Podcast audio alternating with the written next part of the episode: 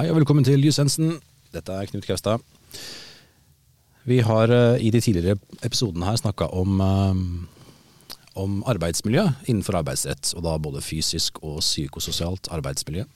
Da hadde jeg med meg ingen ringere enn dosent Kjell Ove Ernes.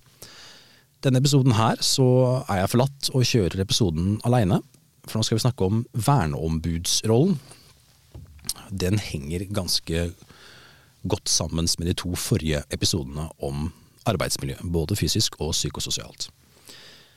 Eh, for det er nemlig sånn at det er eh, regulert i arbeidsmiljølovens kapittel seks en rekke bestemmelser om noe som kalles et verneombud. Verneombud er egentlig en liten eh, si, litt, en form for internkontroll i enhver virksomhet, som skal sørge for at virksomheten følger bestemmelsene i arbeidsmiljøloven om arbeidsmiljø. Både det fysiske og det psykososiale. Så verneombudsrollen er en litt form for vaktbikkje for å passe på at bedriften du jobber i, gjør ting etter boka. Det er jo eh, ikke alle som trenger å ha et verneombud. De fleste virksomheter må minimum ha et verneombud. Men Loven har et krav på at de virksomhetene som har mindre enn ti arbeidstakere, kan ha en annen ordning, men alle virksomheter med flere eller ti eller flere arbeidstakere er pliktig til å ha minst ett verneombud. Jo større og mer kompleks virksomhet du har, jo mer naturlig er det å ha flere verneombud, og muligens et hovedverneombud på toppen. Så man har et, flere man kan eh, spille på og sørge for at man har et gode vaktbikkjer plassert rundt i virksomheten. Men hva innebærer egentlig dette her? Hva, hva er faktisk en eh, Hva slags bakgrunn må et verneombud ha? Må det her være en halvveis jurist? Må det være en tekniker, en kjemiker, avhengig av hvor du egentlig jobber? I utgangspunktet så er det jo ikke noen formelle kvalifikasjonskrav. Um, sånn sett. Altså her Hvem som helst kan, eh, kan velges inn i rollen. Det er alltid en fordel at du har et visst innblikk i regelverket du skal passe på, og en fordel i de rutinene og um, ordningene som virksomheten din driver med. Så hvis du jobber med kjemi, biologisk materiale og sånne ting, så er det en fordel at du kjenner til litt hvordan HMS-en er rundt akkurat eh, virksomhetens kjerneområde. Men ikke et absolutt krav.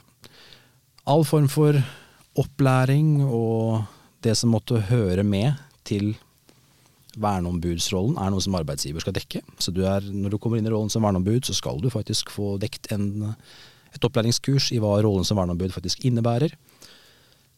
Og andre type oppfriskningskurs og nødvendige nødvendig utstyr og tiltak som et verneombud mener man må ha for å kunne gjøre jobben forsvarlig. Det som er uh, hovedoppgavene til verneombudet, er jo å være denne vaktbikkja, som jeg sa. Men det blir litt sånn flåsete. Men hovedbestemmelsen som sier noe om verneombudets oppgaver, er arbeidsmiljølovens paragraf 6-2. Der ramses det opp en uh, rekke områder som verneombudet skal, skal uh, påse er ivaretatt. Og jeg vil understreke at det her er det er ikke verneombudets jobb å sørge for at alt det som jeg nevner nå, er på plass, men det er verneombudets jobb å sørge for at eller påse at ting er på plass. Så man skal være det skrike til ledelsen når ting ikke er som det skal være i henhold til lovverket. Men gå tilbake til paragraf 6-2, så er vi inne på verneombuds oppgaver. Og hovedregelen i det første leddet er ganske romslig og fint, for her står det faktisk at verneombudet skal ivareta arbeidstakerens interesser i saker som angår arbeidsmiljøet.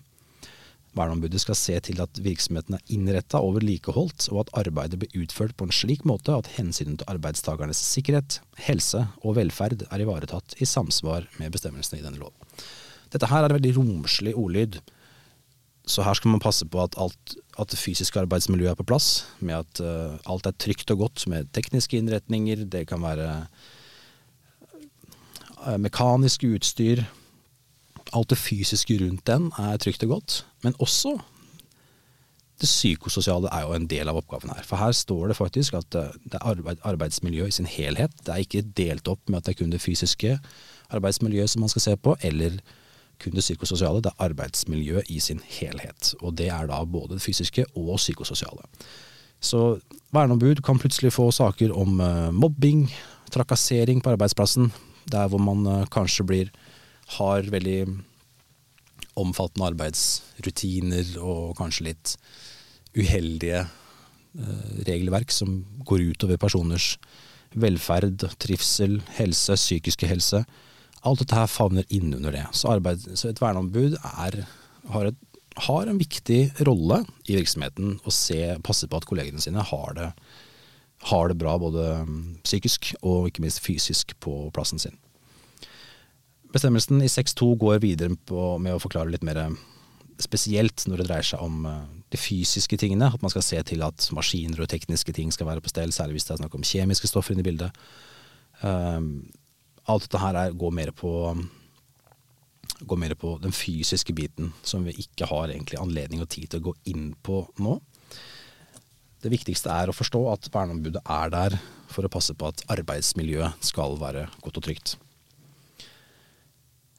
Arbeids, eh, verneombudet har faktisk en ganske sentral rolle og en sterk stemme. For dersom verneombudet mener at det foreligger umiddelbar fare for sine kollegers liv og helse, og at denne faren ikke kan avverges på en rask og bestemt måte, så kan faktisk verneombudet få stansa arbeidet fram til Arbeidstilsynet har tatt stilling til om her, det, her må det gjøres noe mer. Så verneombudet har faktisk en ganske sterkt mandat når det kommer til typiske farlige situasjoner. Dette her er jo ikke noe du skal ta lett på, så du, derfor du må ha disse kursingene og ha satt deg litt inn i regelverk og forventninger til sektoren du tilhører. For du kan ikke dra til farlig situasjon-kortet og stenge bedriften og sende alle hjem hver dag. Det må faktisk være noe bak det. Men den myndigheten er sånn er jo ganske relevant. Så det at du faktisk kan stanse en, eh, en arbeidssituasjon ut fra din egen vurdering, sende alle hjem til Arbeidstilsynet kommer og tar en vurdering, er en stor oppgave og et stort ansvar. Det er jo som sagt mange måter å løse dette her på, med antall verneombud og hvem som skal bli det. Vanligvis er det her noe som foregår i valgform, at bedriftene og de ansatte velger sine egne verneombud avhenger helt av hvordan din virksomhet er bygd opp, og hvor stor og kompleks den er. Ofte så har man da gjerne flere verneombud, og så har man et hovedverneombud, hovedverneombud på toppen. Ofte er det også sånn at verneombudene eller hovedverneombudet blir representert i arbeidsmiljøutvalg og andre utvalg som jobber med arbeidsmiljøsituasjoner og saker. Så verneombudene er en viktig stemme inn på vegne av ansattes arbeidsmiljø. Jeg håper dette her var en episode som klarte å gi deg et lite innblikk i at uh, det fins faktisk ordninger som skal sørge for at arbeidsmiljøet vårt, både fysisk og psykososialt, blir ivaretatt, og at den ordningen har navnet verneombud. Det er muligens vi tar noen episoder videre på det her seinere, hvor vi graver litt nærmere i materien med arbeidsmiljø. Men enn så lenge så tenker vi at dere har fått et greit innblikk i grunnleggende regler rundt arbeidsmiljø. Og så takker vi for oss denne gangen. Hei, hei.